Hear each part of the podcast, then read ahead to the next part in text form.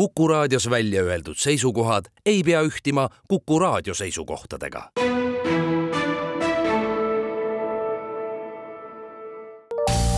terviseks. Saadet toetab Lääne-Tallinna Keskhaigla, vaata ka keskhaigla.ee tere, head Kuku kuulajad, eetris on saade Terviseks ja kui me eilses saates rääkisime laste hammaste tervisest, siis tänasel teemal jätkame. mina olen Ingela Virkus ja koos minuga on stuudios Lääne-Tallinna Keskhaigla hambaravikliiniku juhataja, doktor Krista Vapper, tere taas! tere!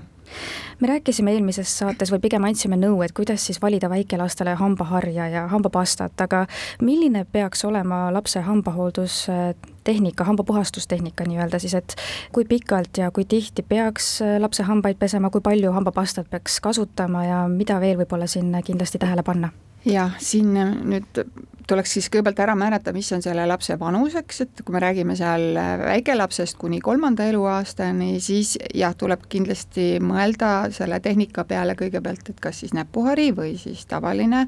hambahari natukene suurema lapsega. kindlasti hambaharja ostes juba jälgige palun seda, et see pea oleks seal hambaharja, harjaste pea nii-öelda, oleks ikkagi võimalikult väike et äh, isegi ärge vaadake nii seda vanusenumbrit seal harja peal, kui just seda, et et ta oleks visuaalselt, tunduks teile ikka niisugune pisikene see hari, eks. ja ka pigem äh, seal suurema lapse puhul, mida väiksem see hari on, seda mõnusamalt ta seal suus äh, ringi käib, ta ei lähe lapsel niimoodi ebameeldivalt kurku, eriti kui te ise pesete temal hambaid ja sellest peaks siis nagu lähtuma, et selle harja suurusest siis järgmine asi, mida kohe tahan meelde tuletada, on see, et hambaharjad tuleb päris tihti vahetada. mina ise soovitan äh, lastel siis äh, jälgida seda, et igal aastaajal on oma hambahari. Ja tihti küsitakse ka ikkagi seda elektrilist hambaharja, et kas siis lapsele pigem elektriline või tavaline, jällegi, kui te ise pesete, ei ole minu arust väga suurt vahet, äh, millega te siis need hambad paremini tal puhtaks saate, seda te näete no kui ei näe, siis on jällegi olemas sellised äh, toredad abilised nagu katutabletid, mida müüakse meil apteekides. Need on siis äh, sellised värvaineka tabletid, mis äh, närides jätavad eemaldamata jäänud hambakatu hammastel teile värviliselt nähtavale. ja selle abil siis saate tõesti hambad väga hästi puhtaks nii et jällegi elektriline võib-olla sellisel juhul, kui laps millegipärast kindlasti nagu saab sellega hambad noh, paremini puhtaks pestud, talle nagu tohutult meeldib niisugune tehnika, kui see suus seal suriseb, aga võib ka olla vastupidi, et talle just üldse tundub väga ebameeldiv ja, ja liiga agressiivne see selline äh, elektriline hambahari, nii et äh, see on iga individuaalne soovitus. ja kindlasti tahan siit äh, rõhutada veel hambapasta koguseid, et kui me eelmises saates kergelt puudutasin juba seda fluoriidide teemat, siis siin ongi see võti, et et pigem kasutada jah, lastel fluoriididega hambapastat ja jälgida siis seda kogust, noh teatavasti need hambapastad lastele, kui te neid ise maitsete täiskasvanuna, siis need tunduvad ju väga mõnusad, et hästi hea maitsega on. ja mõni kipubki neid nagu tuubist lihtsalt sööma, et paneb aga juurde ja juurde, et noh, seda kindlasti ei tohiks lubada, kui on fluoriididega hambapasta.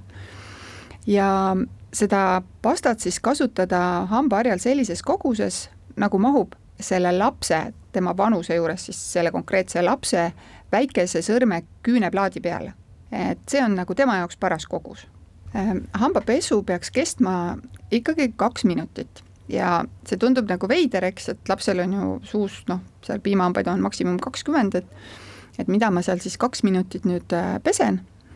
Äh, jah, kui hambaid on vähem, siis äh, laias laastus peaks mõtlema selle peale, et see kaks minutit on mõeldud nüüd selleks, et kõik hambad saaks äh, suus piisavalt äh, aega hambapastaga mõjutatult olla et me peaksime nagu hõõruma seda pastat sinna hamba pindmisesse kihti ja kui me teeme seda liiga lühikest aega, siis see mõju ei pääse, noh, ei saa toimida, ühesõnaga, pasta mõju. Nii et selles mõttes see kaks minutit on selline tinglik aeg, kui seal on suus äh, kõik jäävhambad noh, ja nüüd siis lähtuge sellest, et kui neid hambaid on seal suus, ütleme, kolmandiku võrra vähem, siis võib see aeg olla kolmandiku võrra lühem ja nii edasi ja nii edasi aga siis äh, hambaid tuleks ikkagi pesta nii hommikul kui õhtul? jaa, ikkagi tuleks pesta nii hommikul kui õhtul, aga õhtune pesu on äärmiselt oluline millal tuleks aga laps esimest korda hambaarsti juurde kontrolli tuua? No mina isiklikult arvan, et laps hambaarsti juurde võiks tulla juba aasta-kaheselt. meil Eestis on praegu niimoodi noh, laiemalt äh, otsustatud, et see vanus võiks olla seal vähemalt noh, kolmeaastase lapsega peaks olema ühe kord, üks kord käidud hambaarsti juures aga see esimene hambaarsti külastus ei pruugi olla nii otseselt lapse enda hambaarsti visiit, vaid ta võiks tulla sinna kas ema, isa või, või vanema õe või vennaga kaasa lihtsalt vaatama, et mis seal toimub ja, ja kuidas seal ollakse. et see tutvumisvisiit võiks kindlasti toimuda päris varakult. et äh, minu arust põhiline reegel on see, et sellel esimesel visiidil ei peaks olema vajadust mingeid protseduure teha. et kui nii on, siis on juba päris hästi lastele kuni vanuses üheksateist on hambaravi tasuta, kui tublisti siis lapsed hambaarstile teie hinnangul tuuakse? Äh, haigekassast äh, on tulnud infot ja meie statistikaaruannetest näitub ka, et ikkagi käivad nagu enam-vähem ühed ja samad inimesed. et see number kuidagi on, on suhteliselt ühtne, ei muutu väga aastati, noh, natuke on ta seotud ka sellega, et eks meil hambaarste on ikka ka enam-vähem sama palju nagu kogu aeg aga meil on nagu selline kahtlus, et ikkagi jääb päris palju inimesi äh, sellest tasuta hambaravist lastele eemale just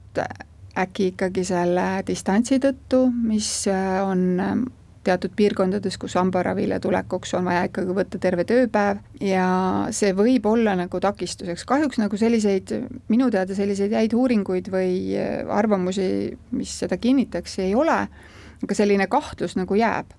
ja millest see tuleb, on ka võib-olla see, et mida räägivad sõjaväes töötavad või kaitseväes, vabandust, kaitseväes töötavad äh, hambaarstid, äh, kes näevad siis äh, nende juurde jõudvate ajateenijate suu olukorda.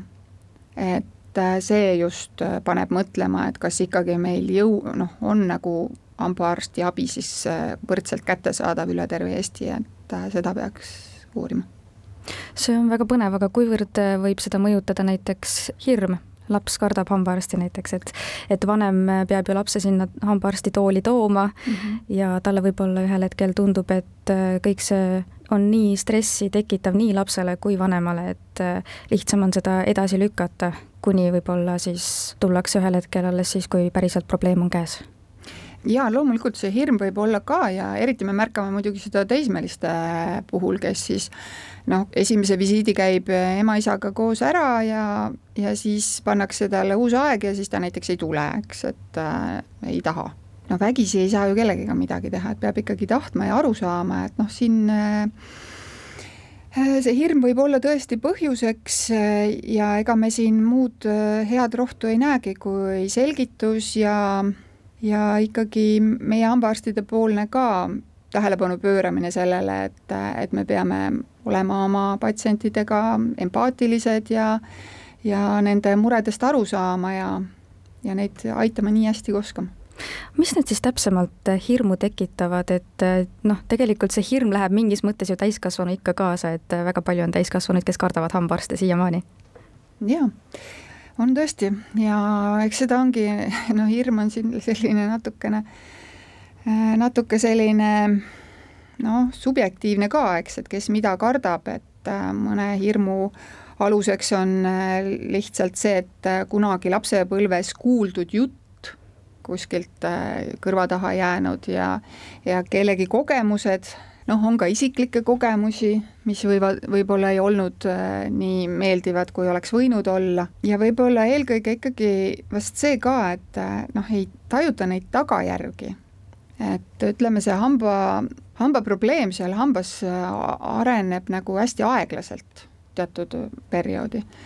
ja just ongi see, et noh, noh, neli-viis aastat ei ole nagu midagi olnud, mingi auguke siin suus on ja, ja noh, las ta siis olla, et noh, mis siin ikka juhtub, eks kunagi hiljem teen ja ja siis ongi see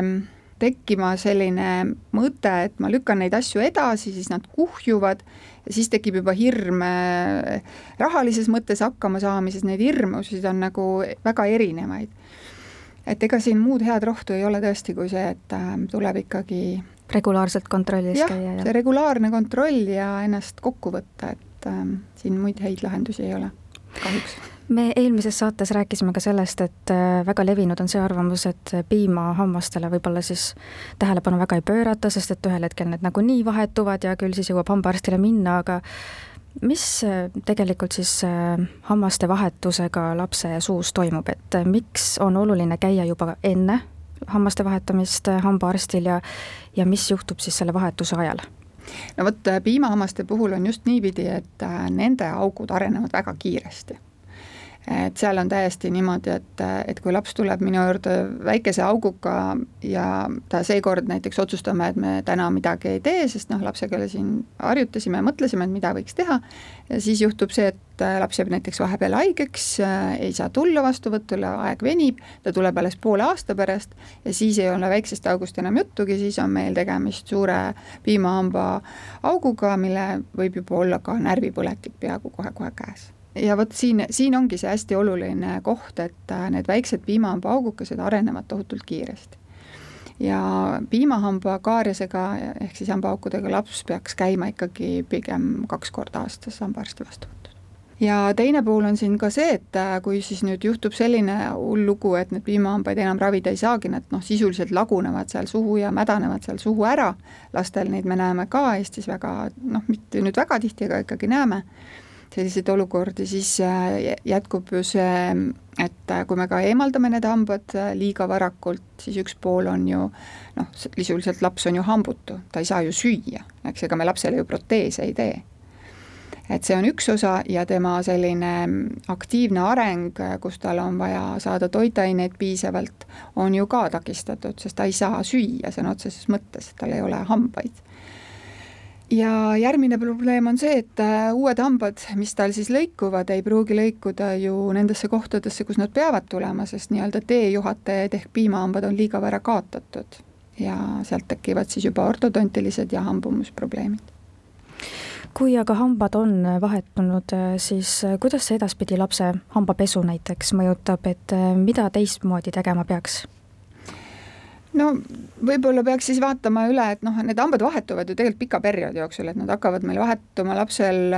ütleme seal kuuendast äh, eluaastast ja kestavad seal äh, teismelise alguseni välja et ega seal nüüd väga midagi muuta ei olegi vaja, et äh, noh, jälgida seda hambapasta fluoriidide kogust, et see oleks piisava eakohane. pigem tuleb jah, seal teismelise eas jälgida lihtsalt seda rutiini, et, et lapsel on äh, Äh, võib-olla tekivad ähm, söömisharjumuse muutused, äh, tulevad äh, sporditrennid, kus hakatakse kasutama spordijooke, jällegi ärge unustage ära, et kõik joogid, mis on suhkrusisaldusega, on ka võrdsed toidukorrana, et võib-olla sellised üldisemad asjad sinna juurde aitäh teile saatesse tulemast ja nõu andmast Lääne-Tallinna Keskhaigla hambaravikliiniku juhataja doktor Krista Vapper! aitäh! terviseks saadet toetab Lääne-Tallinna Keskhaigla, vaata ka keskhaigla.ee